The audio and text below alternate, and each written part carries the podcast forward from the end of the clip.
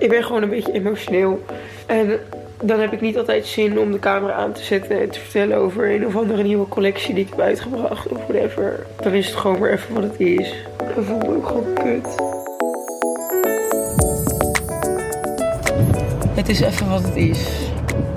Ik ga er het beste van maken en ik ga deze week niet meer klagen. Ik moet gewoon positief zijn. En dat lukt ook wel.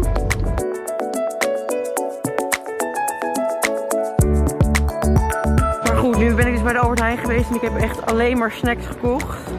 Omdat ik gewoon geen zin had. Nou, geen zin. Wat lul ik allemaal. Ik had gewoon heel erg veel zin in vreten. Het was volgens mij een beetje een emo-vlog, maar ik, ga, ik voel me beter. Ik ben eh, weer helemaal eh, happy. Ja, dat heb je wel eens van die dagen, toch? Oké, nou, tot volgende week.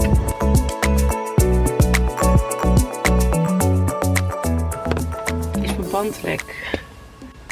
Godsamme. Ja, dit is echt zo kut. Nou, Uber bestellen. Kutzooi. Echt, wat een kut ellende. 2019 was het jaar waarin we meer fan werden van Monica dan ooit tevoren. Met haar laatste vlog als hoogtepunt, waarin ze huilen afwisselt met schaterlachen en kankeren laat opvolgen door een snack attack. Hadden we ooit gedacht dat ons leven zo synchroon zou gaan lopen aan dat van onze vlogheldin? Waarschijnlijk niet. Maar hoe fijn is het om elke week te kunnen meekijken naar de ups en downs in een parallel universum in Vinkeveen? En Monica, kijk je eigenlijk ook wel eens mee met ons?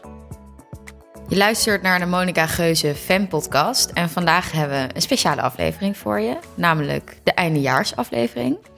En daarin gaan Doortje en ik onze hoogte- en dieptepunten bespreken van My Therapist Says tot de loonkloof tot klimaatdrammers. Uh, maar eerst gaan we Hoogtepunten van het jaar, hè? hoogte- en dieptepunt van het jaar. Niet eh, van ons leven of zo. Oh nee, niet van. nee, zo, zo theatraal wordt het Nee. niet. Iets minder kwetsbaar dan Ja. de vorige aflevering. Ehm, daar komen we trouwens op het einde van de podcast nog even op terug. Want jullie hebben echt super mooie en intieme reacties met ons gedeeld. En daarvan lichten we er een paar uit. En geven we het boek van Alma Matthijssen. Ik wil geen hond zijn, weg. Maar eerst de laatste vlog van Monica. Ja, het was meteen wel een hoogtepunt voor mij Ja. van dit jaar. Ik vond het gewoon, ik vond het gewoon prachtig. Ja, het was echt, ik was ook oprecht ontroerd. Ja, Zonder enige ironie ook. nee. Ja. Het was e- ik vond het echt heel mooi. Het was eh De titel was Kutvlog, Kutweek. kutweek. En de Kutweek, thumbnail... lekke band en nog iets. En de thumbnail is een huilende Monica. Ja. Maar niet op een ehm aandachtschreeuwerige manier. Nou, wat ik er heel vet aan vond, was dat ze zo... eh, ze gaat gewoon echt van de ene emotie in de andere. Dan voelt ze Ja. zich best wel goed. Dan is ze lekker eh, met Sarah Lissa hier op het Gelderlandplein of zo. Of lekker met vriendinnen. En dan het volgende moment voelt ze zich weer heel kut. Heeft slecht geslapen. Is er bandlek van haar auto. Moet ze huilen. En het is allemaal... eh, ja, het is, het is gewoon zo echt. En Zeg heel herkenbaar. Heel stom om dat zo te zeggen. Ja, nee, maar ik heb het idee dat op YouTube vaak als het gaat om van echte gevoelens, Mhm. dat dat ook weer verpakt wordt met zoiets van: ik voel me vandaag heel slecht. En Ja, komt, geregisseerd. ehm, dat heb ik jullie misschien nog nooit verteld, maar in mijn jeugd zijn er, weet je, dat, dat er iets, er wordt altijd zo'n eh, hele setting omheen gecreëerd. Ja. En dit was gewoon vaak totaal willekeurig en gewoon, Geen performance. Nee. nee. Nee, je hoort er ook echt breken midden in een zin.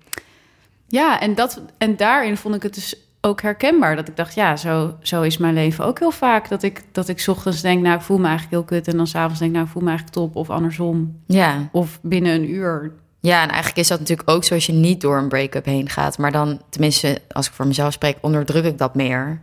Hoezo? Nou, dan denk ik gewoon, als ik me niet, niet, niet lekker voel of niet chill voel, denk ik gewoon, hoezo? Waarom? Terwijl Ja, nu ik ja. liefdesverdriet heb, denk ik gewoon, oh ja, dit is de rollercoaster die liefdesverdriet heet. Oh ja, precies. Dan heb je meer een soort van... eh, Een oorzaak. Ja, een alibi of zo. Ja. Ja. Je weet hoe het komt. ja. Wat ik ook heel ontroerend vond, was dat ze zei... normaal trek ik me nooit iets aan van de mening van anderen... maar nu wil ik wel graag weten van andere moeders... of zij ook met hun kind in bed slapen. En dat, ik weet niet, dat brak mijn hart echt... dat je dan vrijgezel bent en dat je dan wel gaat vragen aan andere mensen... Ja. doe ik het wel goed? Dat je ineens zorg gaat maken omdat je niet meer die standaard bevestiging hebt van een ander. Ja, Ja.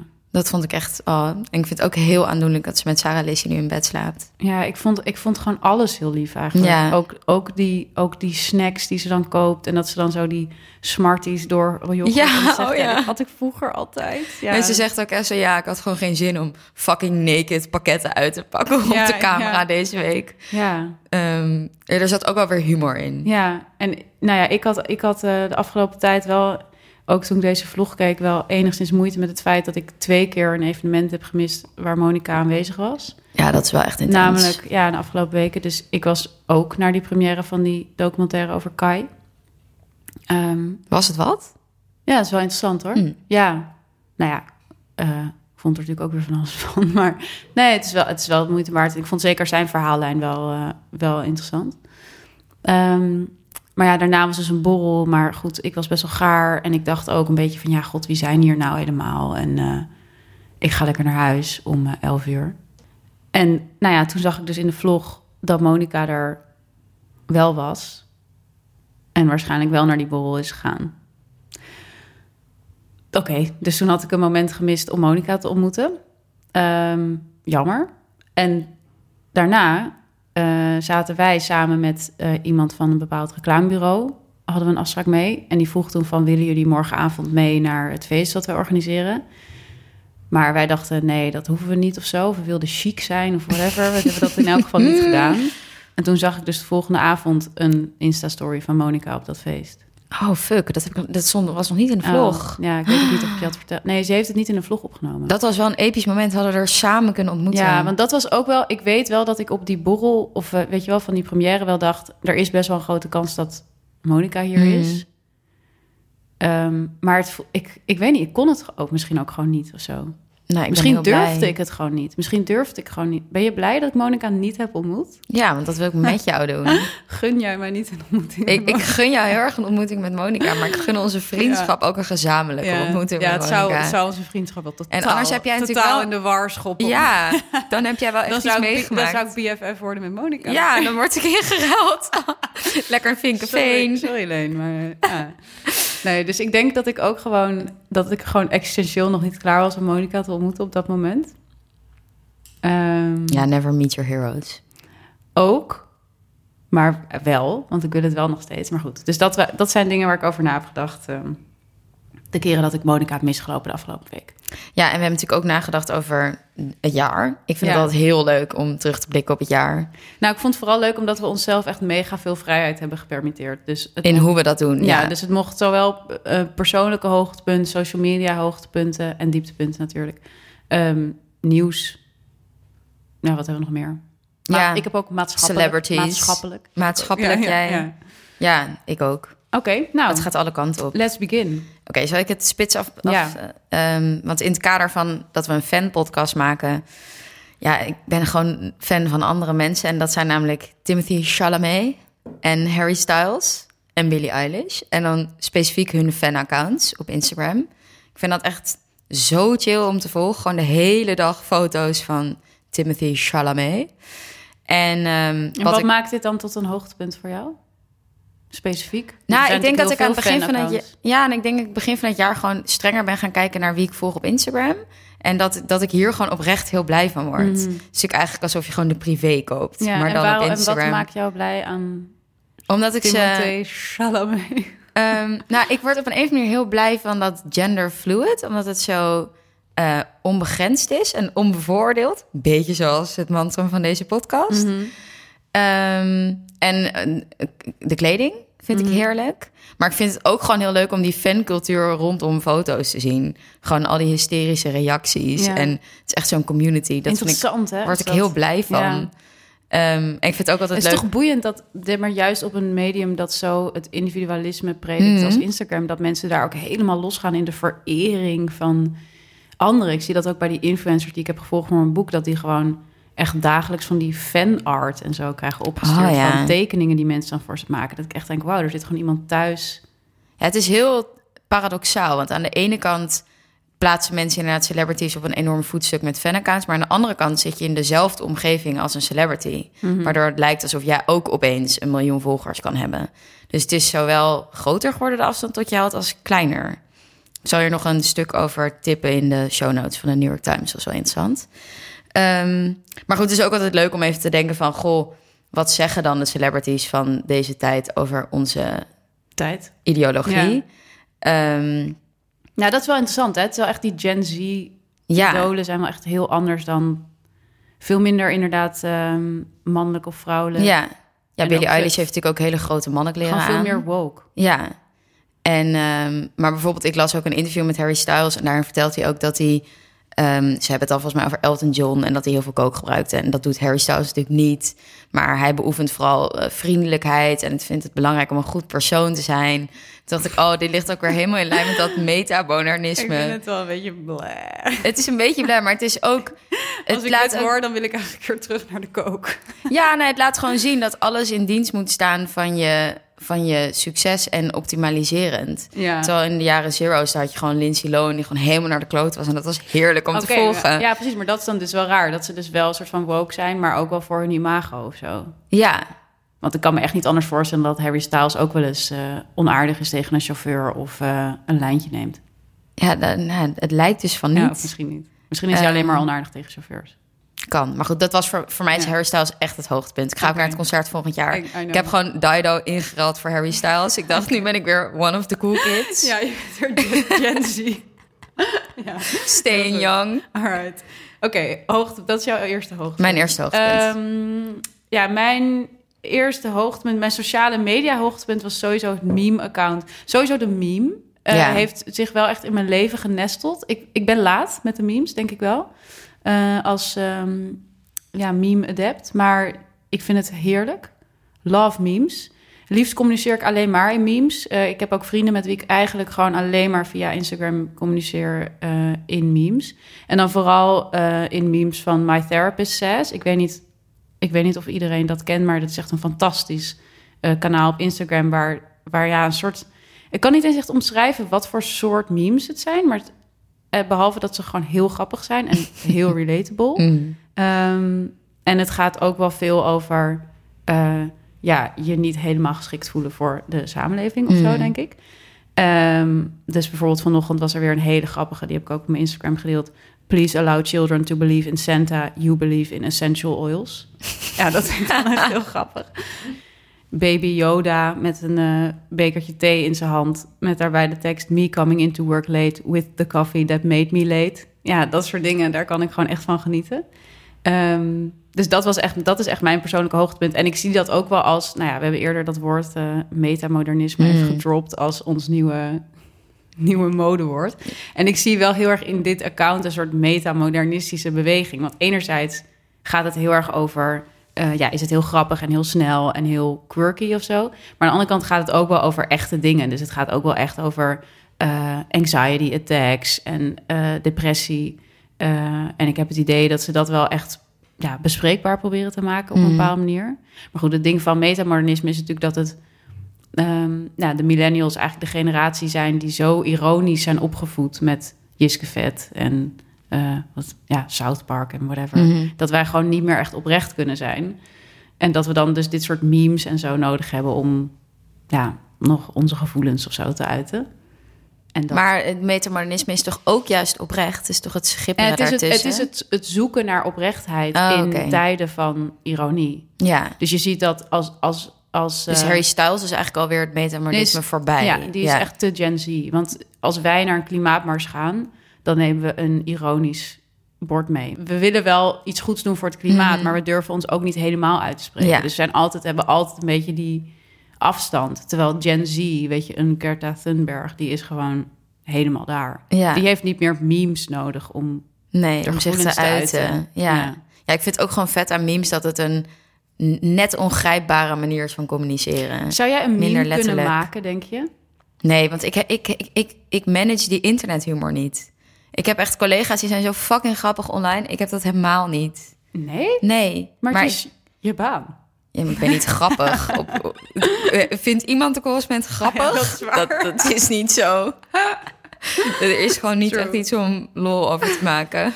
Maar mijn collega's zijn wel heel grappig, maar ik heb dat gewoon niet. Ik zou het dus heel moeilijk vinden om een meme te Ja. maken, denk ik. Nou, je moet heel erg goed kunnen refereren aan dingen. Ja, ik denk jij wel, want je bent ook echt heel ironisch. Misschien kunnen we proberen een meme te maken met een foto van Monica.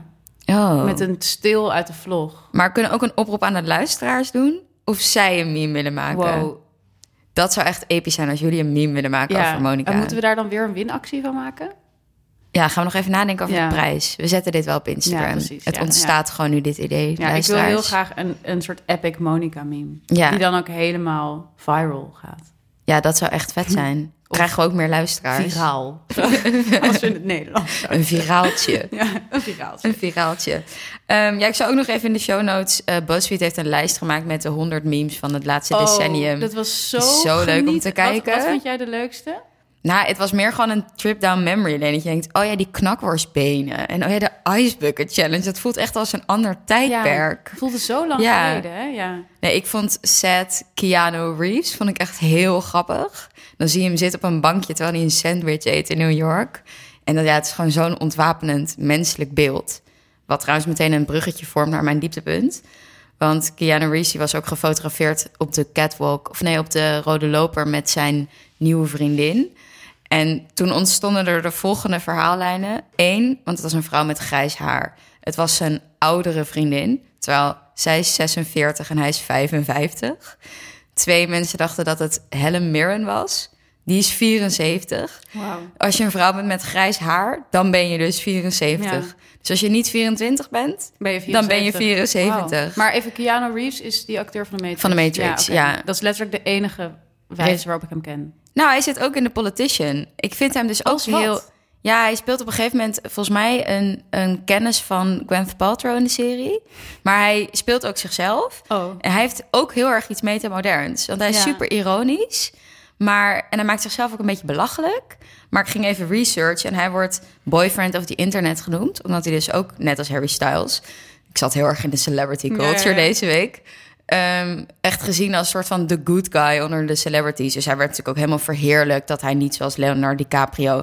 met een 20-jarige vriendin over de rode loper liep. Ja, Maar ik, werd er wel echt, ik vond het wel echt een dieptepunt. dat daar zo op werd gereageerd. Ja, dat je dan een oudere vrouw bent... Ja. En dat het zo. En het ergst vond ik ook dat ik het bij mezelf bemerkte. Ik Ja. dacht, wow, dit is echt een oude vrouw. Terwijl, Oh, wat erg, ja. Ze is dat is net 46. zoals wat ik soms kan hebben. En dat vind ik ook heel erg met plus-size models. Ja. Dat ik, dat ik een model zie die er gewoon fucking prachtig uitziet. Maar toch omdat ik zo geconditioneerd ben Mm. Ja. om hele dunne chicks te zien... denk ik, wow, die is best wel, best wel wat forser of zo. ja, Terwijl die is alsnog gewoon heel dun. ja, en je kan niet zoveel doen aan die gedachten. Dat ligt niet aan jou. Nee, nee het ligt niet aan mij. Nou, ik vind het altijd wel moeilijk dat soms. ehm, je hebt ook podcasts waar ze dan in vragen van wat is het meest onfeministische wat je hebt gedaan of gedacht. oh, ja. En ik probeer mezelf wel toe te staan om onfeministische dingen te denken. Ja, ik kan niet controleren wat ik de hele dag denk. ja, nou, ik, eh, ik daarentegen Vertel. heb, ehm, heb het een Judge. beetje in de feministische hoek eh, ge- gezocht. Want mijn, ehm, mijn, een van mijn hoogtepunten was eh, het stoppen van de Victoria's Secret Show. Ja, Dat vond ik echt, daar was ik echt heel tevreden over. En ik dacht ook wel, nu pas? ja, dat is best wel lang volgehouden. Ja, dat we echt nog steeds met z'n allen keken naar echt graadmagere chicks. En ook in ondergoed wat niemand nog aan wil. niemand wil, wat Zo niet de, lekker zo de zit. Wonder Bra. Ja, wat verschrikkelijk eh, de- ook gewoon ingewikkeld is. Weet je Ja. wel? Met vleugels. Je, ja. Die Kijk, laat je dan helemaal uit Amerika ik overkomen. Soms vleugels, maar niet elke dag. nee, maar weet je dat ik echt dacht... Jezus, dit is echt zo outdated. En Ja. dat is natuurlijk... Het bedoelt net zoals met Zwarte Piet of zo. Ik bedoel, op het moment dat iemand dat zegt... denk je, oh ja, de, tuurlijk. Maar dat had ik ook met de Victoria's Secret Show. Ja. Ja, en. Brianna die had natuurlijk al... Heeft ook zo'n ondergoedlijn. Die had echt een fucking vette modeshow. Ja. Super inclusief. Ja, precies. En ook zag juist... ook gewoon veel enthousiaster en vetter ja, uit. en inderdaad ook met plus-size modellen die dan niet zo van maat 36 hadden in plaats van 34. Ja. Gewoon echt een gewoon heel diverse scala aan lichaam. Keek jij vroeger de Victoria's Secret Show? Ja, nou ja, wel. Hmm. Jij? Nee, ik, heb Ja, ik had dat. niks met Victoria's Secret. Nee, ik keek dat wel en ik wilde dat ook heel graag. Oh ja, je wilde ook zo'n lijf. Ehm, nee, nee, ik wilde meer gewoon die spullen. Die spullen, ja. Ja. Als je dan naar Amerika ging, ging je ja, maar als je daar dan kwam, dan viel het heel erg tegen. Ja, want dan waren best het wel gewoon troep. best wel een soort van H&M Ja. voor ondergoed met zo van hipsters en zo, weet je wel. Het was echt Ja. niet zo sexy als in die show. Nou, en dat is natuurlijk wel echt heel cool aan Instagram... dat je nu echt duizenden ondergoedmerken hebt. Ik zit niet echt in die game. Nou, Love Stories, dat is ook echt een Instagram-merk, toch? Ja, ja, maar ja. En je ziet nu echt de, de grijze, saaie onderbroek opkomen. Ja. Dat vind ik heel interessant. Ik weet niet of ik er klaar voor ben. Ja, ik heb ze van de Hema. Ik kan het echt aanraden. Gewoon Ja. 3 euro voor drie onderbroeken. Wow. Ja, ik vind het best wel sexy. Oh ja? Ja, Oké. dat vond, dat vond mijn ex niet. Maar ik... ik vind het zelf heel hot. Oké, prima. Ehm, iets om over na te denken. Ja, ik heb wel weer een bruggetje naar mijn hoogtepunt. Dat blijft in de hoek van de mode. Ehm, want ik vind het wel echt heel cool om te zien dat het lenen en het huren van kleding nu mainstream wordt. Ja, hè? Want ik zag het laatst zelfs in de vlog van Monica. Namelijk de winkel Litchi. Ik ga gewoon schaamteloos een shout-out doen naar Litchi. Het zag er best wel goed uit. eh, Lizzie van der Licht, toch? Weet ik niet. Er Dacht stond ik. in ieder geval een ander meisje in de winkel. Daardoor weet ik het niet zeker. Ja. Maar gewoon echt super goed ingericht, die winkel. En alleen maar hysterische, eclectische, metamoderne jurkjes. Ja, ik vond het ook wel aantrekkelijk. En ik dacht ook wel, oh ja, zo'n jurk is ook echt iets wat je gewoon een keer moet lenen. En niet Ja. moet kopen. Ik heb zoveel random gala-jurken die ik dan één keer aan heb gehad. Ja, je hebt dan ook allemaal van die feitjes dat eh, de gangbare opvatting is de 80-20 regel, die ervan uitgaat dat we 80% van de tijd 20% van de kleding dragen. Ik denk dat dat echt zeker waar is voor mij. Ik denk dat er eerder bij mij een 90-10 regel Ja, ik heb ook elke dag hetzelfde. Of gewoon een 99-1. een kooltrui met een trui. Ja. Ehm, maar dat vond ik wel cool. En je zag ook nu wel in de media, op, op correspondent, maar ook in de Volkskrant, zag je echt wel artikelen waarin ook tips werden gegeven waar je dat dan allemaal kan doen. Ja. Dat vond ik wel vet. En je zag het ook wel in de celebrity cultuur, mijn obsessie van de week. Want dat was ook wel een hoogtepunt voor mij dat eh, Jennifer Lopez die Versace jurk weer, Weer aan aandeed. heeft. En ze had hem nu weer aan maar in sowieso, SNL. het is gewoon...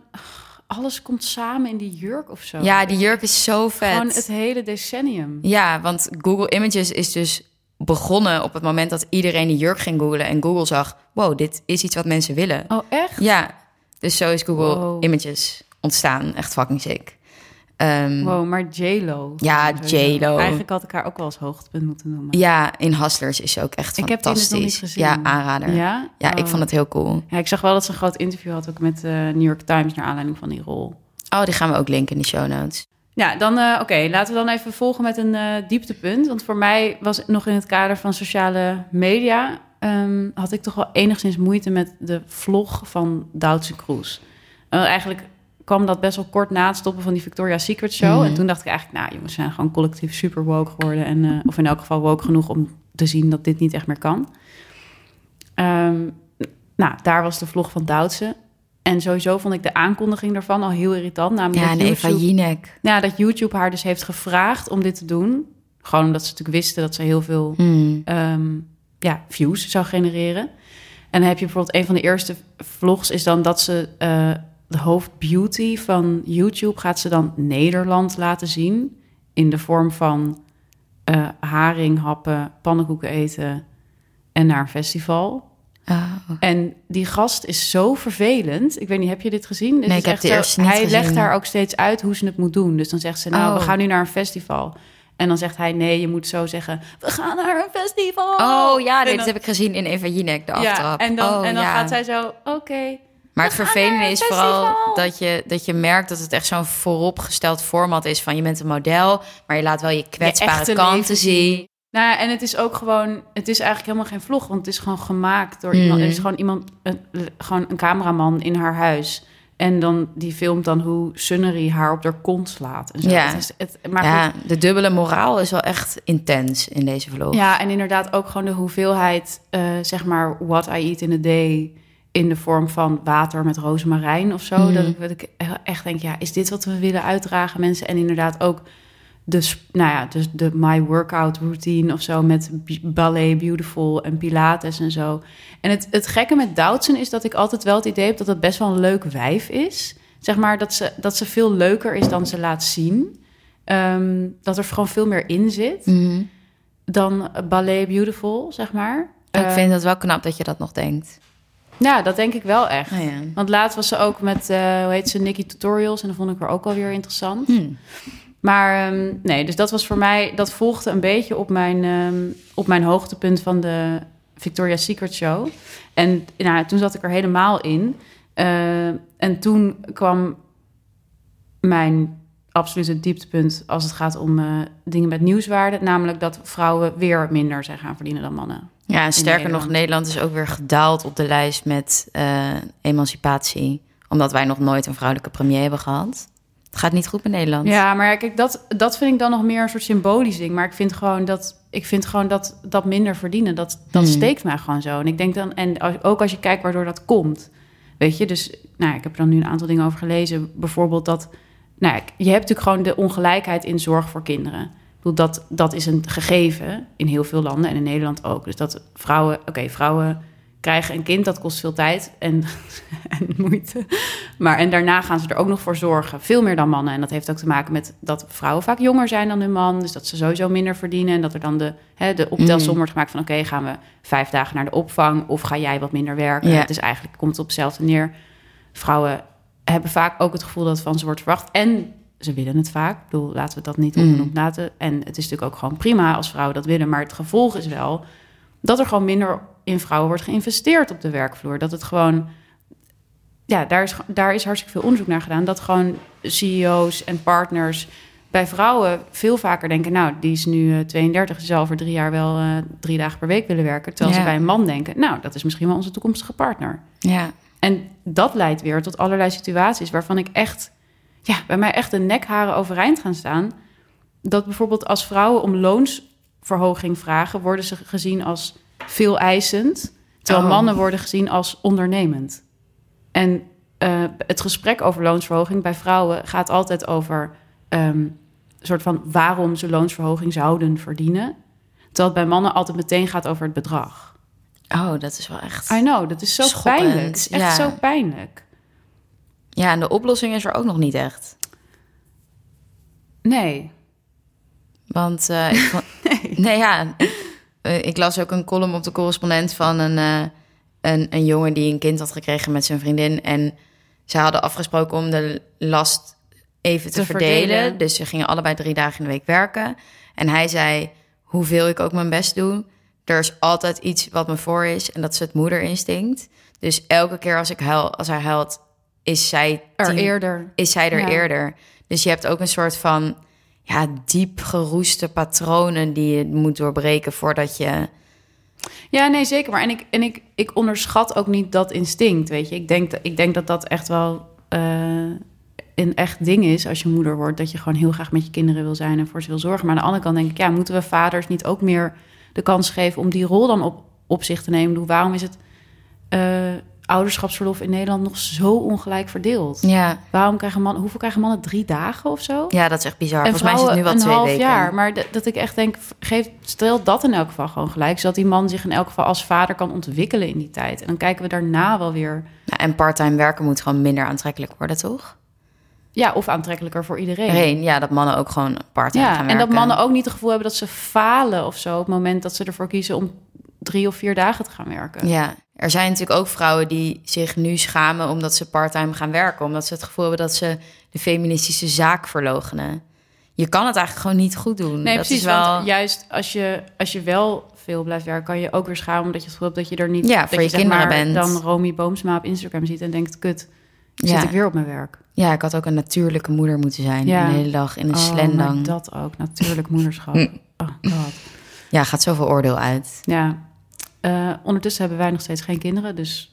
Wij- kunnen zin wij daar lekker ook niks makkelijk over zeggen. Ja, praten. we kunnen niks en alles zeggen tegelijk. Maar goed, voor wie hier meer over wil weten trouwens... er stond een tamelijk goed eh, uitlegartikel in de Volkskrant... over waarom vrouwen nog steeds minder verdienen dan mannen. Wat ik, eh, De boete op baren. Wat zei je? De boete op baren Ja, ja, motherhood penalty, precies. En eh, Netflix heeft een best wel goede explainer. Van Fox, of niet? Ja, Oh, met eh. Hillary Clinton onder andere. Die is Oh. echt, eh, ja. En wat ik trouwens in dit kader ook best wel ongemakkelijk vond aan de laatste vlog van Monica, is dat ze zegt: Oh, ik merk dat jullie het zo leuk vinden om te kijken naar hoe ik kook en hoe ik met Sarah Lizzie bezig ben. En dat jullie het veel minder interessant vinden om te zien hoe ik aan het werk ben. Ja, terwijl jij liever kijkt hoe ze gewoon aan het bazen is. Ja, maar jij dan? Ik, ik spoel die Ja. stukjes met Sarah Lizzie altijd door. Ja, met Sarah Lizzie spoel ik wel door, maar ik vind het wel gewoon heel grappig om te zien hoe ze een stampot maakt. Ja, Oké. Nee, ik vind het juist heerlijk als zo van, er bestaat zoiets als juspoeder. Had ik nog nooit van gehoord. Ehm, Oké, dat klinkt heel elitair, maar dat vind ik toch gewoon wel echt Ja. heel grappig. Heb je ja. het gekocht al? Nee, Oh. nee, ik hou niet zo van jus. Eindje van jus. Dat is wel een bruggetje ook naar mijn dieptepunt. Dat is namelijk wel mijn eigen nep-betrokkenheid bij het klimaat. Want ik begon dit jaar met het voorbereiden voor een klimaatcampagne voor mijn werk. Ehm, en toen was het moment daar dat mensen de dam op gingen om zich uit te spreken, oprecht als ze zijn, voor het klimaat. En toen regende het pijpen stelen en toen ben ik gewoon in bed blijven liggen. Ehm, dus ja, Wow. ja, nee, maar dat voelde wel. Het voelde wel als een moment van dan kan je een keer de straat op en iets anders doen dan op Facebook zeggen attenden en dan doe ik Ja. het niet. En ik begon Ja, mijn zit jaar je ook. daar echt mee? Nou, best wel, ja. Mm. Want ik maak me er, maakte vooral, me er wel heel erg druk over. En ik merkte ook bijvoorbeeld aan het begin van het jaar had ik heel veel vliegschaamte. Ja. Toen ging mijn relatie uit en toen ging dat ook meteen de deur uit. We hebben Gewoon meteen een ticket naar New York Ja, boeit het allemaal niet meer. Ik, ik scheid me af ook niet meer. Ik gooi ook gewoon eten weg. Ja, raar hè? Ja, Ik heb, ook, ik heb ook een tijdje toen niet mijn afval gescheiden. Maar nu doe ik het weer. ja, het is misschien ook omdat je gewoon niet zo'n zin hebt om te zorgen voor jezelf of zo. Ja, en je hebt ook gewoon even genoeg aan je kop Ja. of zo. Ik ben wel echt heel blij dat ik die oordelende stem in mijn hoofd niet de hele dag heb. Want ik had op een gegeven moment wel echt dat ik oordeelde over alles. Zo ongeveer dat ik bestond. Ehm, omdat je, als je natuurlijk doorberedeneert, ja, alles wat je eet, alles wat je koopt, alles wat je, weet ik veel, weggooit. Het is allemaal slecht. Ja, je kan beter maar meteen zelfmoord plegen eigenlijk. Ja, en hoe doe je dat dan? Ja. CO2-neutraal. Dat soort, dat soort vragen Wow, stellen mensen. vraag wel. I know. Ehm, volgens mij is cremeren... Ja, ik zat ook altijd denken, Ja. cremeren of gewoon onder de grond gaan liggen, denk ik. Nee, maar begraven is slechter, want dan komt Oh. er weer CO2 vrij. Oh, Ja, dit zijn serieuze vragen die mensen willen sturen beantwoorden. mensen dat naar de correspondent. Maar het wordt wel heel zwaar, dit dieptepunt. Wat ook een dieptepunt in die lijn was, vond ik echt Anna Nushin... die een advertorial deed voor Shell op Instagram. Was dat dit jaar? Volgens mij was dat dit jaar. Ja, dat dat vond ik echt zo erg. Echt heel gênant. Maar ja, waarom is dat dan erg? En waarom is zeg maar een soort van super vervuilend en consumentistisch iets als naked wel goed?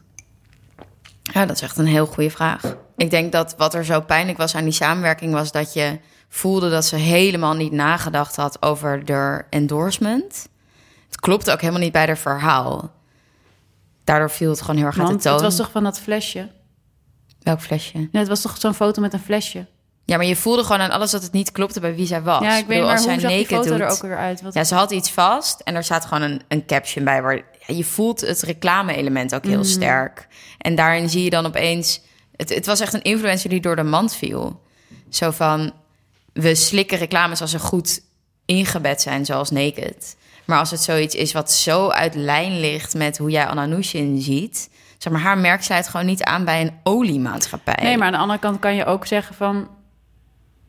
Misschien is het dan juist goed dat je zo ziet dat het reclame is. Weet je, dat het gewoon, dat het, dat het gewoon platte shell is, weet je. En niet een soort van... Bij dat naked heb je toch ook altijd een beetje het gevoel dat het een soort sluipreclame is of zo. Ja, Dat er, natuurlijk- er zijn natuurlijk namelijk... wij- Wij doen dat niet misschien, of tenminste, weet ik niet. Maar wij, zijn, wij klikken niet meteen door naar die webshop van Naked. mhm. Maar ehm, er zijn natuurlijk wel heel veel chicks die dat wel doen. En die dan weer een of ander super wegwerp fast fashion artikel kopen voor 12 euro. Mhm. Om oud en nieuw in te vieren. En het vervolgens weer weg te gooien. ja.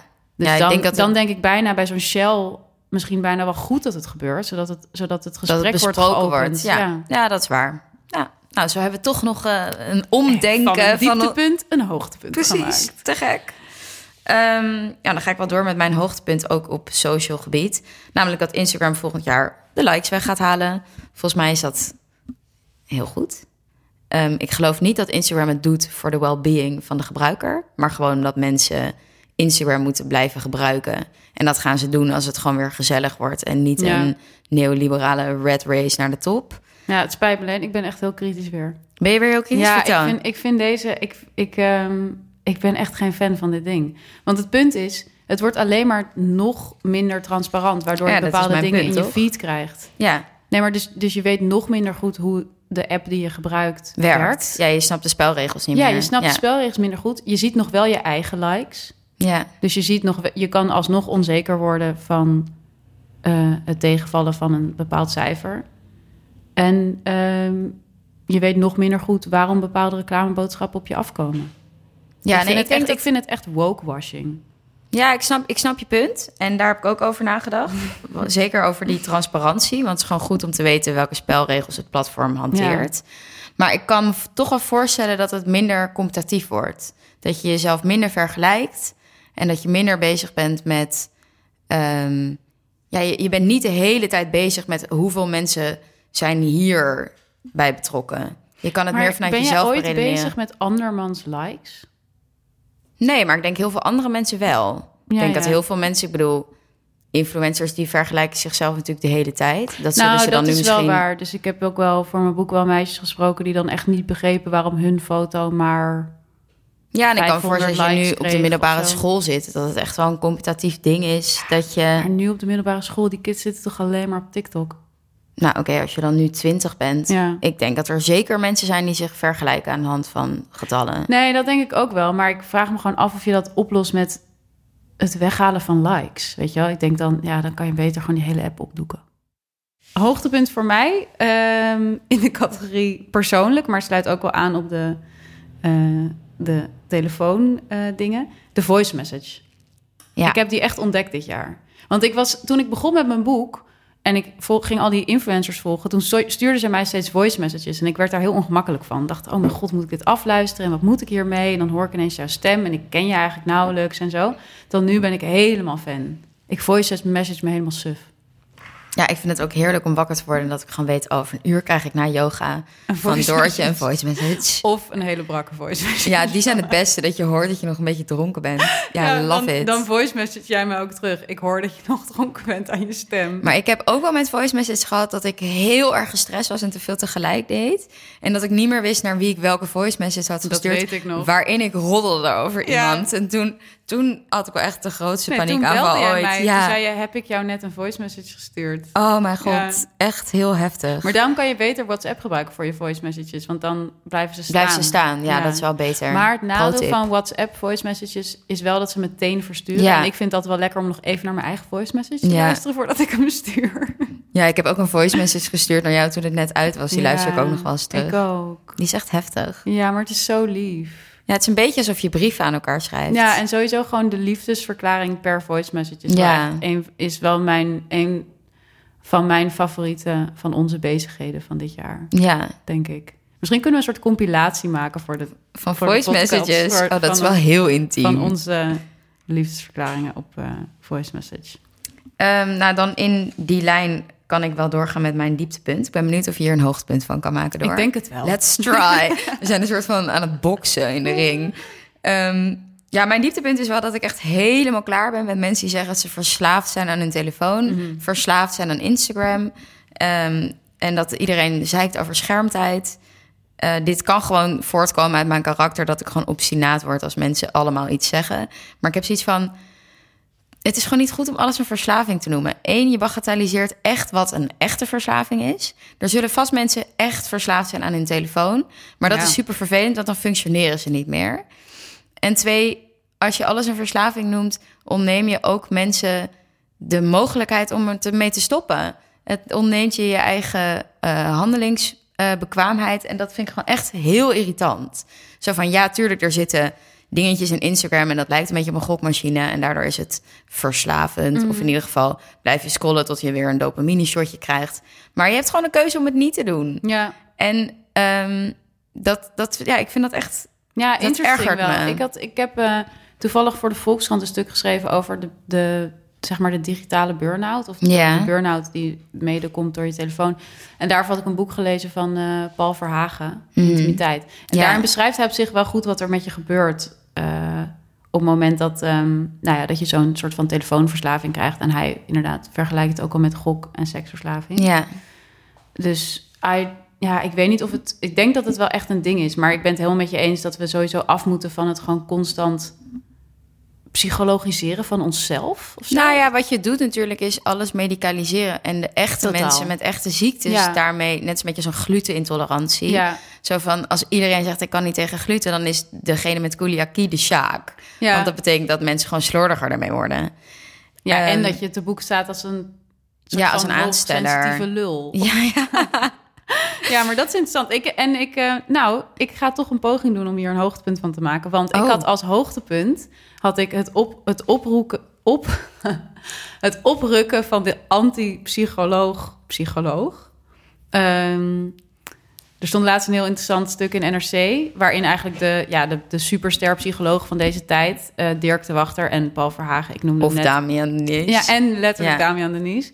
Ehm, alle drie aan het woord kwamen en zij hebben nu, zijn bezig met een soort van ja, never-ending tour of zo langs alle schools of lives. En ze stonden in Carré en het is gewoon iedereen loopt weg met die mensen. Ook interessant, toch? Dat de denkers van deze tijd psychiaters zijn. Ja, precies. Ja. Maar en, en het grappige is dat zij zeggen van stop met de hele tijd over jezelf zeggen dat je een psychiatrisch probleem hebt. Ja. Je hebt niet een psychiater. Die Dirk de Wachter zegt dat heel goed van ja, iedereen ervaart wel eens een gevoel van zinloosheid en leegte. Maar stop met jezelf de hele tijd bij de psychiater aanmelden. Want er zijn gewoon psychiatrische patiënten die zorg nodig hebben... en die nu alsnog op een wachtlijst komen... omdat iedereen zijn gevoelens wil bespreken. En ook het gevoel heeft dat elk gevoel van ongemak en ehm, ja, negativiteit... meteen door iemand moet worden opgelost. Mm. Wat natuurlijk heel typisch is voor deze tijd... waarin we gewoon elk... Ja, alles maakbaar, alles perfect. En dat... Ja, de, de mens is niet perfect. Nee. Deal ermee. Ja. Zadie Smith zegt dat toch ook heel mooi. Zo van, Ja. Als je geen ongemak ervaart, dan leef je niet. Zo Ja, van- ze, zegt, eh, ze zei volgens mij... eh, proberen zonder ongemak te leven... is Ja. proberen niet menselijk te zijn. Ja, ja precies Ja, dat. zo waar. Ja, Ja, en dat, en, maar goed, dat, dat stuk is heel interessant... omdat het gewoon een soort van... eh, nou ja, hen alle drie een beetje onder elkaar zet. En ook Damian Denis zegt dan heel goed van de combinatie van... meer lijden, dus doordat er gewoon veel meer prikkels zijn... en ook dus dat hè, die digitale ander... waar we ons steeds toe moeten verhouden... maar ook het niet meer mogen lijden Mhm. of zo. Dus altijd maar happy de peppy moet er zijn. Dat, ja, dat zorgt ervoor dat we altijd maar zeggen... nee, het is niet dat ik even lijd of pijn heb. Ik heb een stoornis. Mhm. En dat, is, dat maakt het gek, want op dat moment maak je je gevoelens en je emoties en je staat van zijn gewoon altijd maakbaar. En dat is en het gewoon extern. niet. Je ex- externaliseert het op een bepaalde manier. Ja, je externaliseert het en je maakt het als iets wat opgelost moet Ja. worden. Terwijl, ja, vaak kan dat gewoon even niet. Nee, het is gewoon de tijd doorkomen. Dus ik hoop echt dat het komende decennium dat we... Nou ja, dan komen dus die Damian Denies en zo met allemaal oplossingen zoals... eh, nou, Paul Verhagen ziet bijvoorbeeld heel veel positieve kanten aan het klimaatprobleem. Omdat we dan een eh, collectieve vijand hebben. Ah, waarmee we dan- Wel een hele abstracte vijand. Ja, heel erg. Maar, maar en Damian Denies vraagt ze van... ja, wat moet er dan gebeuren om dit beter te maken? En zegt hij, een oorlog. Ja, maar dat zeggen heel veel mensen dat wat we nodig hebben is een oorlog. Ja, Ja, wat zou jij er zin in hebben? Ja, let's go. Let's op go. ratsoen. Ehm, ja, het zou ook een oplossing kunnen zijn voor het eh, hervormen van onze energiemarkt. Absoluut. Ehm, maar in het kader van de oplossing, Nina Polak die heeft echt een heel goed essay geschreven over de psychiatrie en Ja. de ontwikkeling daarin. Je ziet daar een verschuiving naar meer inderdaad het toelaten van het lijden en persoonlijke aanpak en niet per se alleen maar pillen. Ehm, dat zou ik ook even in de show notes Ja, zetten. leuk. Boeiend. Heb je nu een hoogtepunt gemaakt van mijn dieptepunt? Ja, Oké, ja. misschien had jij het niet door. Ja, maar- ja ik, ik kan Doortje niet bijhouden. gewoon. Ze is me intellectueel totaal de baas vandaag. Ehm, even kijken. Oh, dan ga ik naar een, een hoogtepunt. Het ligt ook wel een beetje in lijn. Dat is namelijk dat ik het blowen heb herontdekt. ja. Toen ik een jaar of 14 was of zo, begon ik met blowen. En was het wel... Nooit gestopt. Nou ja, op de middelbare school was dat wel gewoon... Ik bedoel, wij zaten bij Paradiso in de buurt op school... en bij de Bulldog en zo. Dan was ik best wel vaak overdag Ik heb het blauwe daar ook wel gewoon meteen achter me gelaten, man. Nou ja, ik dus ook, tot nu. Ja. En dat begon ook wel met vage klachten... als dat je niet kan slapen, Mm. niet kan ontspannen. En nou, dan gaan mensen je wietolie en dat soort dingen aanraden. Ehm, maar toen deze zomer begon ik ook weer met roken. En toen dacht ik, nou, dan kan ik Kan blowen er ook wel bij. Ehm, maar wat ik ik vind dat vond... echt eh, zo fucking chic als jij bloot. Ja, en ik heb ook hele kleine Ja, jointjes. het ziet er heel leuk uit. Eh, en ik vind het gewoon heel chill om alleen te doen, af en toe op de bank. Maar ik ging ook een beetje research, want ik ben eigenlijk niet de enige. Het is ook wel een soort maatschappelijk ding Ja, nu. tuurlijk. Dus je hebt nu de trend, dat heet being Kelly sober. Ja. Dus dat je niet drinkt, wel bloot. In L.A. Waarvan ik wel denk dat mensen dat doen omdat je dan minder calorieën binnenkrijgt. Dat maar, denk ik ook. Ja, dat is in mijn geval deels zo. Nee, je ontspant gewoon echt. Nee, ja, nee. Ehm, maar ik las ook een analyse over die... Over, Wat vind je ehm, chiller, wijn of blowen? Oh, dat hangt wel echt van het moment af. Ik vind wijn wel echt veel gezelliger. Ja. Ik vind blowen gewoon chill, s'avonds op de bank. Ja, Ik word er altijd helemaal, helemaal paranoïde van. Ja, maar ik ik wil wel alleen maar hash. Ik, kan niet, ik vind wiet, echt helemaal niks. Ah. Ehm, maar ja, goed, je had natuurlijk ook Marianne Donner met haar zelfverwoestingsboek. Oh ja. En die pleit er ook voor dat zoiets als roken gewoon een moment is om je terug te trekken en even gewoon nou, te ontspannen voor sommige Uit mensen. een sociale setting of zo. Uit de sociale setting. Ja, ja. Gewoon, eh, je, je werpt letterlijk een rookgordijn op, vertelt ze dan. Oh ja. Ehm, ik zou even de, een, een eh, correspondent heeft haar geïnterviewd, ik zal het even linken. En ehm, zij zegt ook, ja, het is ook een grote middelvinger naar het systeem wat wil dat je alles in dienst stelt van je productiviteit en optimaliseren. Ja. In die zin is de roes of het drinken of het roken of het blowen een daad van verzet. ja, het enige kut is natuurlijk wel dat het wel echt slecht voor je is. Ja, dus ze heeft ook wel een disclaimer. Ze Ja. roept niet op om te roken. Dat doe ik ook niet. Nee, dat doen we niet. Als je niet Ik heb het daar, we, we hebben het daar wel een paar keer over gehad. We moeten het niet meer hebben over roken. Of... Ja, Terwijl zoveel roken we ook niet. nou ja, ja ik, ik ga me nu op glad ijs be- begeven. Maar ik heb ook zoiets van... zolang ik mezelf niet het, het eh, voorhoud van... oh, maar nu raak je verslaafd... kan ik er elk moment mee stoppen. Ja. Nou, ik ben van mezelf heel niet verslavingsgevoelig. Ja, ik, ik dacht van wel. Maar ik probeer dat nu een beetje los te laten. Ja, ja, precies. Maar het is net zo eigenlijk als wat je zei ook over schermtijd en zo. Ja. Ik heb dat ook een beetje losgelaten. Dat ik Ja. elke dag ga kijken. Jezus, ik heb weer anderhalf uur op mijn telefoon. Of weer twee uur op mijn telefoon. Dan denk ik, ja, oké, fuck it. Je hebt twee uur op je telefoon. Ja, en soms Laatst doe je het helemaal niet. op Instagram de anderhalf uur aangetikt. Oh, nice. Still proud. Ik heb gewoon geen idee. Ik kijk er letterlijk niet naar. Oh ja, ik wel. Oh, dat vind ik gewoon... Ja, I don't need to know. Ja. Ehm, En sowieso is een sikke hack om gewoon even je Instagram-app te verwijderen. Dan is al je schermtijd... eh, Naar nul. Dan nul. kijk ik alleen maar naar de weer-app. sowieso een uur per dag op de weer. Oké, dat was mijn hoogtepunt. Ehm, Ik heb nog wel een dieptepunt. Oh, vertel. De swapfiets. Oh ja, dat is wel echt een, een low. Oh, wat is dat erg. Ik zie ze ook steeds meer. Ik heb het gevoel dat ook sinds ik deze, eh, dit dieptepunt heb opgeschreven... dat ik er weer 80% meer swapfietsen om me heen zie. Ja, Het is zo, ik vind het zoiets stoms. ik vind het ook wel echt interessant dat er zoveel over wordt geschreven. Ja, maar echt van de laatste tijd. Ja. In Nederland had er een interessant artikel over inderdaad ook laatst. Nou, ik dacht toen ik het las ook wel, nou, het mag wel wat steviger. Ik vind dat echt zo'n zo'n typisch voorbeeld van een totaal neoliberaal product... dat zich vermomt als iets wat te maken heeft met de share-economie... Ja. of met woke zijn. Het is gewoon... Luister, we hadden dit al lang. We hadden gewoon de fiets en de fietsenmaker... Of de fietsenjunk als je echt geen geld had. Maar dat, we hadden al een systeem wat gewoon heel goed werkte. Maar wat je ziet gewoon wat hier is gebeurd... is gewoon een of andere snelle gast die heeft bedacht... hier kunnen we een appje voor verzinnen. En dan betaal je, wat is het, 15 euro of zo per maand... voor een fiets... Terwijl je gewoon voor 100 euro een prima fiets kan kopen. En als je hem wil laten maken, dan ga je naar een fietsenmaker. Ja. Want die is daarvoor. ja, dat is ook interessant. eh, dat, dat de share-economie wordt natuurlijk heel erg omarmd door links. Terwijl het eigenlijk best wel klimaatvervuilend is om overal een dienst van te Totaal. maken. Dit is gewoon links lullen, rechts vullen. Ja. Puur zang. Ja. Echt puur zang. Mijn fiets, mijn- mijn, eh, hoe heet het, mijn trapper haperde. Ben ik gisteren even smeerolie gaan kopen bij de fietsenmaker. Ik heb niet eens over nagedacht dat ik dit zou doen. Maar dat is gewoon hoe het gaat. Je Hmm. moet, het, is ook een, het is ook een vorm van volwassen worden. Fix gewoon je Zorg eigen voor je fiets. spullen, Ja, ja. en ga, ga er niet vanuit dat er een soort Uber iets model is... dat jouw shit alweer komt oplossen. En vond ik ook wel leuk, Arjen van Velen, dat is een schrijver... die merkt ook op dat de swapfiets geen bagagedrager heeft.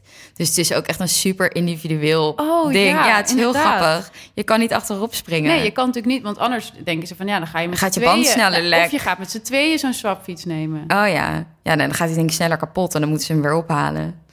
Ehm, ja, nee, de swapfiets is echt sowieso een dieptepunt. Ja, en het is gewoon, ja, het is gewoon weer zo'n techbedrijf dat weer ontzettend veel geld gaat verdienen met het opkopen van onze autonomie eigenlijk. Maar ze gaan ook wel een beetje ten onder aan hun eigen succes. Want ze kunnen het niet bijbenen hoeveel ja, mensen het ik willen. hoop het. En er zijn steeds meer mensen die swapfietsen gewoon eh, op zijn kop zetten. Het is echt het anti-witte fietsenplan.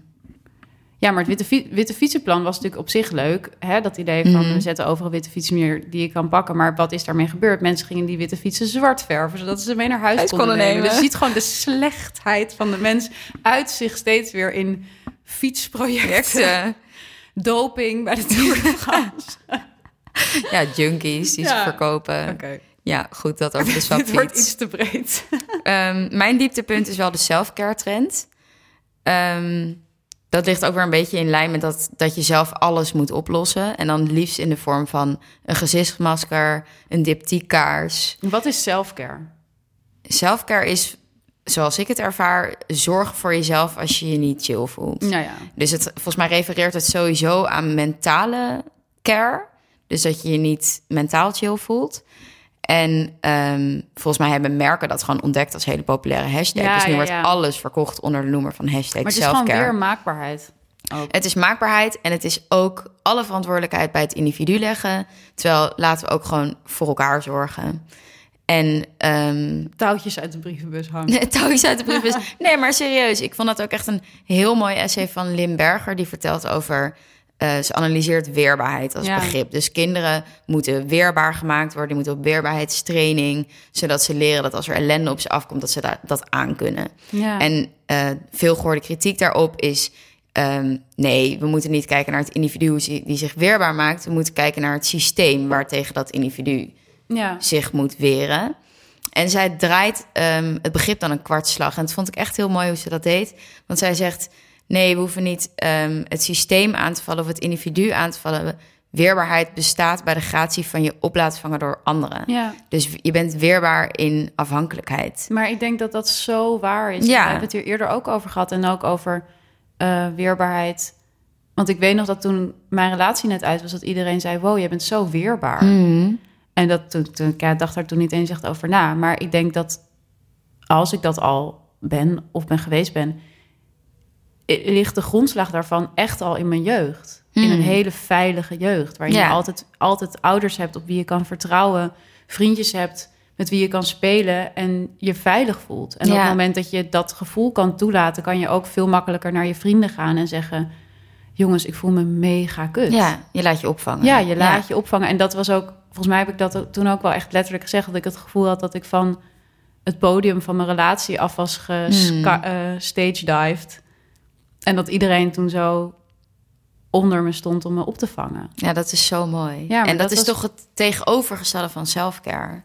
Ook is moet alsof je oplossen met een diptykaars. Ja, dat is Ja. dat je het in je eentje moet doen. En dan, als je niet alles gedaan hebt om het zelf goed te proberen te maken, dan heb je het niet goed gedaan.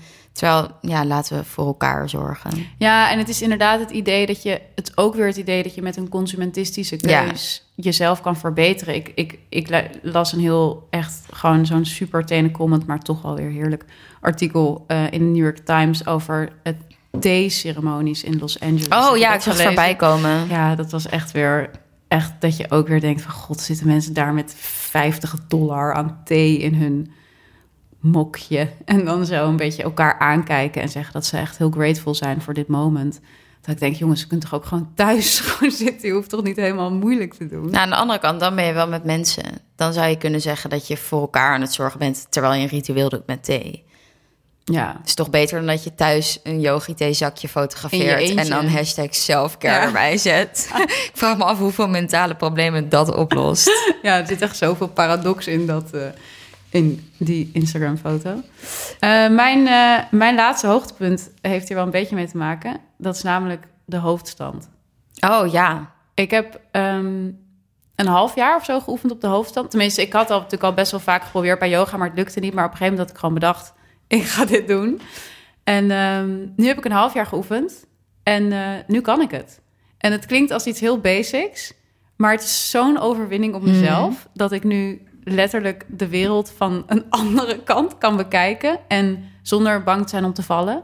En ehm, weet dat ik genoeg kracht in mijn armen heb om mezelf overeind te houden. Voel je vrij om de metaforen hier ja. Nou, ik had toevallig ook afgelopen maand dat het me voor de eerste keer lukte om Ja. zelf weer in te staan.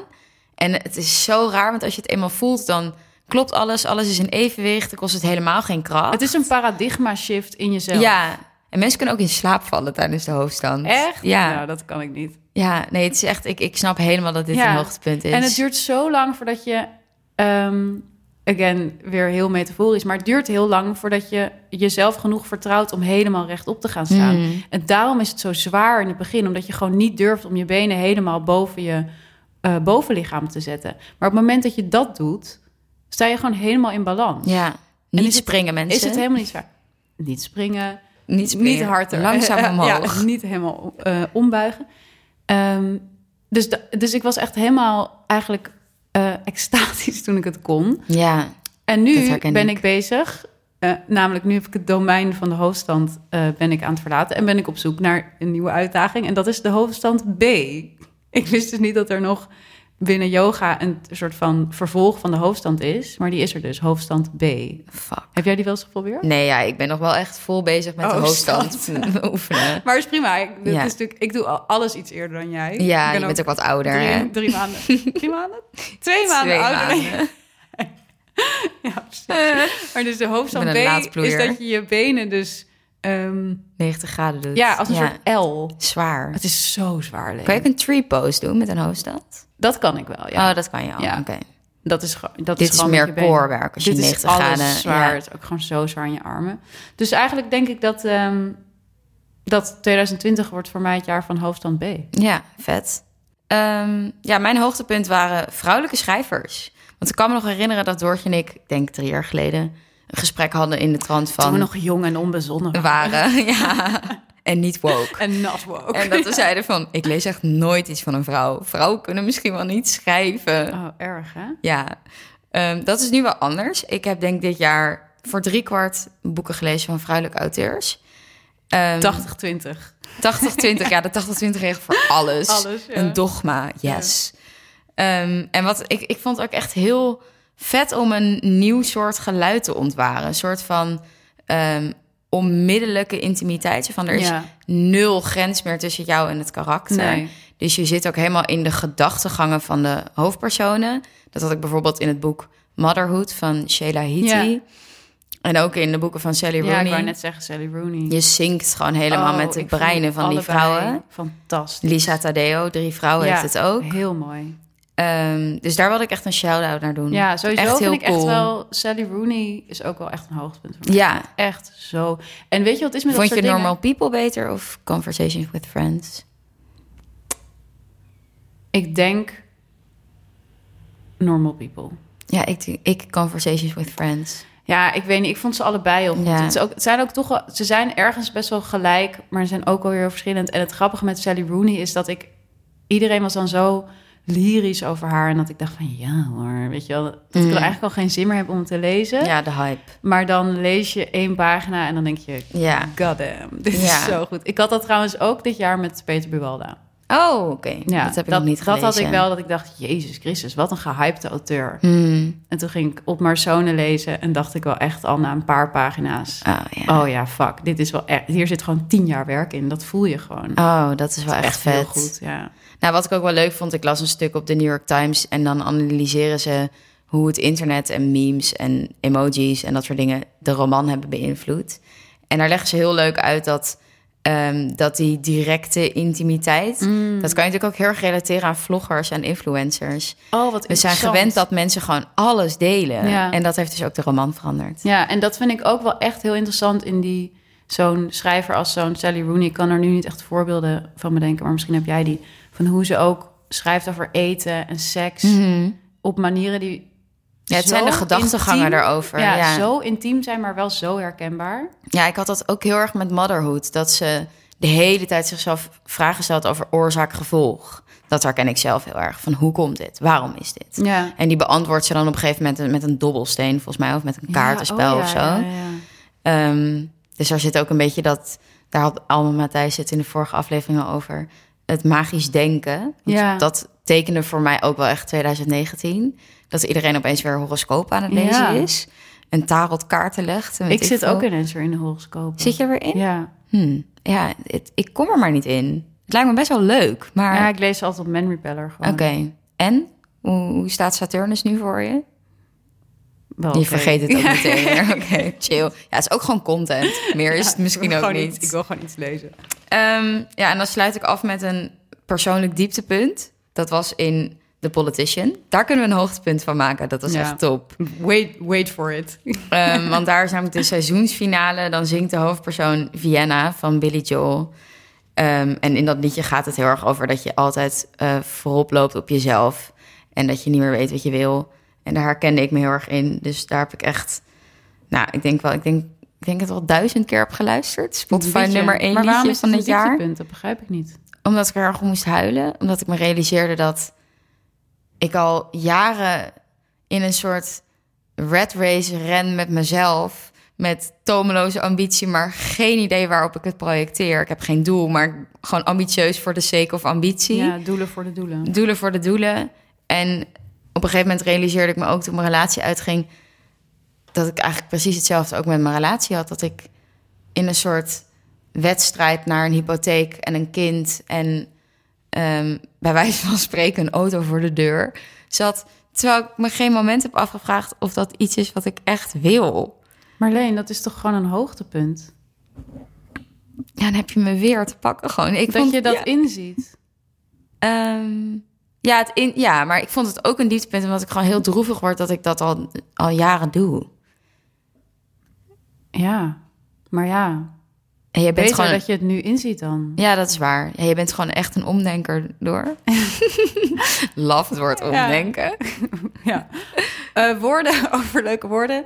Eh, ik heb nog Oh, een goed, een ik heb een bedacht. woord bedacht voor, ehm, voor eh, 2020 of voor het komende decennium. Of, eh, doe ermee wat je wil. Het is in elk geval tonichocolonisering.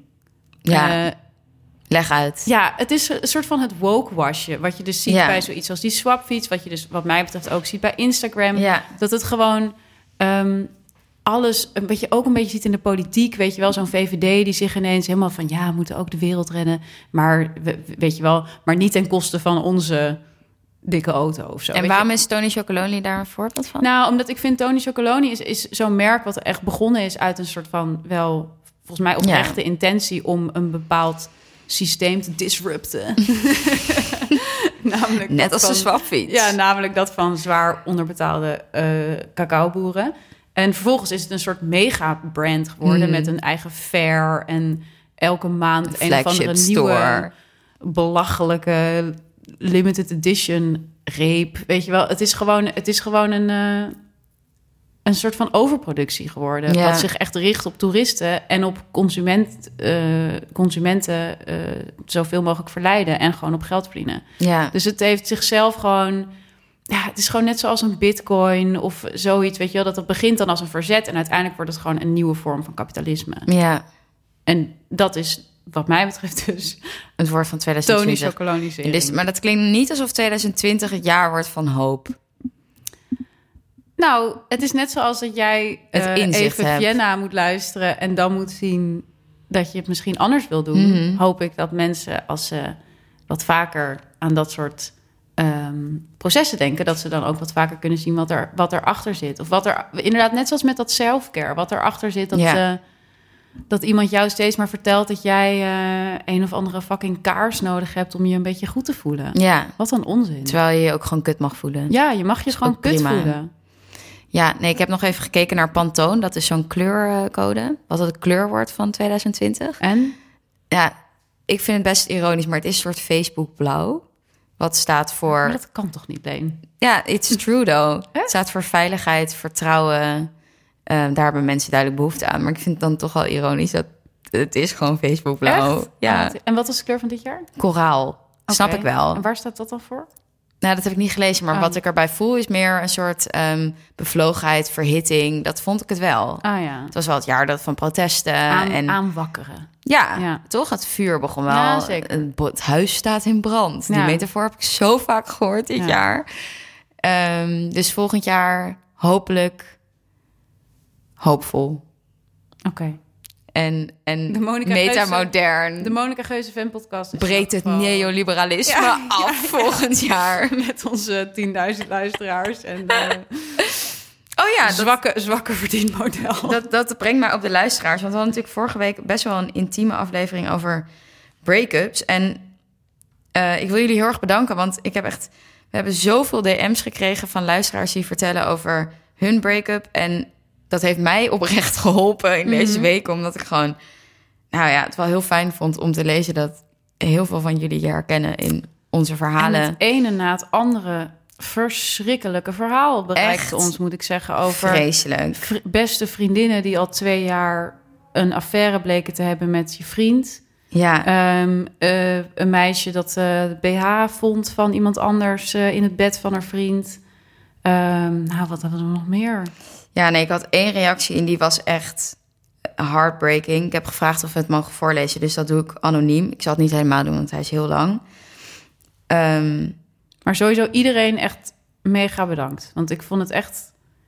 Het bleef ook maar komen, weet Ja. je. Het is ook gewoon tot, tot vandaag nog kwamen er... nu al twee weken geleden. Reacties, ja. Ja. Nee, het is echt, eh, echt heel lief. Eh, als ik jullie toen had verteld wie ik was, toen ze nog een relatie was, waar ik van hield en hoe mijn leven eruit ziet, was het nu een compleet ander verhaal. De vorige versie van mezelf was een enthousiaste, leergierige masterstudent die met haar vriend samenwoonde in een vet leuk huis op een boerderij. Ik had een kat en kippen, ik hield van hardlopen naar het strand gaan. Hier kwam onverwachts een einde aan. Nadat hij op vakantie was geweest met zijn collega's, gedroeg hij zich opeens afstandelijk. Na drie ongemakkelijke dagen waarin ik op zoek ging naar een ingang in zijn hoofd, kwam het hoge woord en met veel ingewikkelde woorden uit. Hij twijfelde voor het eerst over onze relatie en we konden maar beter stoppen. Hij wilde ruim- ruimte en tijd. Ik gaf hem dat, maar raakte in een shock.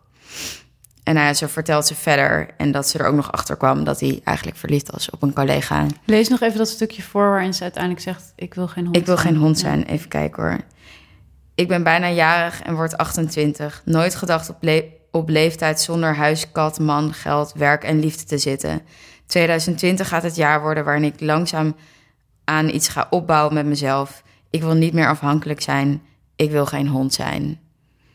Nou, als ik het voorlees, dan krijg ik weer helemaal kipvel. Ik ook. Echt zo. Ik vind het zo mooi. echt heel En mooi. ik vind dit ook gewoon... dat, dat wij dan luisteraars hebben die dit soort dingen sturen... Ja.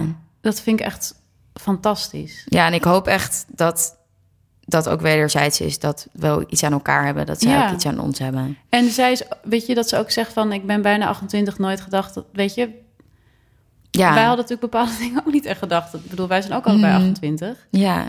En eh 28 is gewoon nieuwe 18, man. ja, wij gaan gewoon laten zien dat 28 gewoon de beste leeftijd is om vrijgezel te zijn. eh, echt een ace leeftijd om in je Ja. eentje te zijn. En ik bedoel, obviously, lieve luisteraar, eh, je wint het boek. Ja. Toch? ja, zij wint Ja. sowieso het boek. Maar, maar alle anderen ook ontzettend bedankt. Want ik, ik vond ze allemaal, allemaal heel hartverwarmend. Maar dit was gewoon zo... eh, Ja. Ja, het was ook zo mooi geschreven. Ja, ik vond het ook echt heel mooi geschreven. Ehm, Moet je dus- iets mee doen? Ja. Schrijf een boek over je break-up. ja, en stuur ons je, je boek op, dan kunnen we het bespreken. Ehm, dat was hem voor Ja. dit jaar. Ja. Wil je nog wat zeggen? Behalve bedankt. Ja, ik wil jullie heel erg bedanken. Ja, dit was al het eerste jaar van de Monica Geuze Fan Ja, het was ook echt het jaar van de podcast en Ja. van vriendschap. Van vriendschap sowieso. Ik las laatst nog eens een keer die, eh, ehm, die quote uit We Should All Be Feminist. Van eh, we voeden meisjes op om concurrenten van elkaar te zijn. Mhm. En te strijden om, zeg maar, de aandacht van mannen. En ik heb wel echt het gevoel dat dat aan het veranderen is. Oh, dat vind ik echt een hele hoopvolle noot om mij af te sluiten. Oké. Ja, is toch nog hoop. Yes. Oké, Tot volgend jaar. tot volgend jaar. Doei.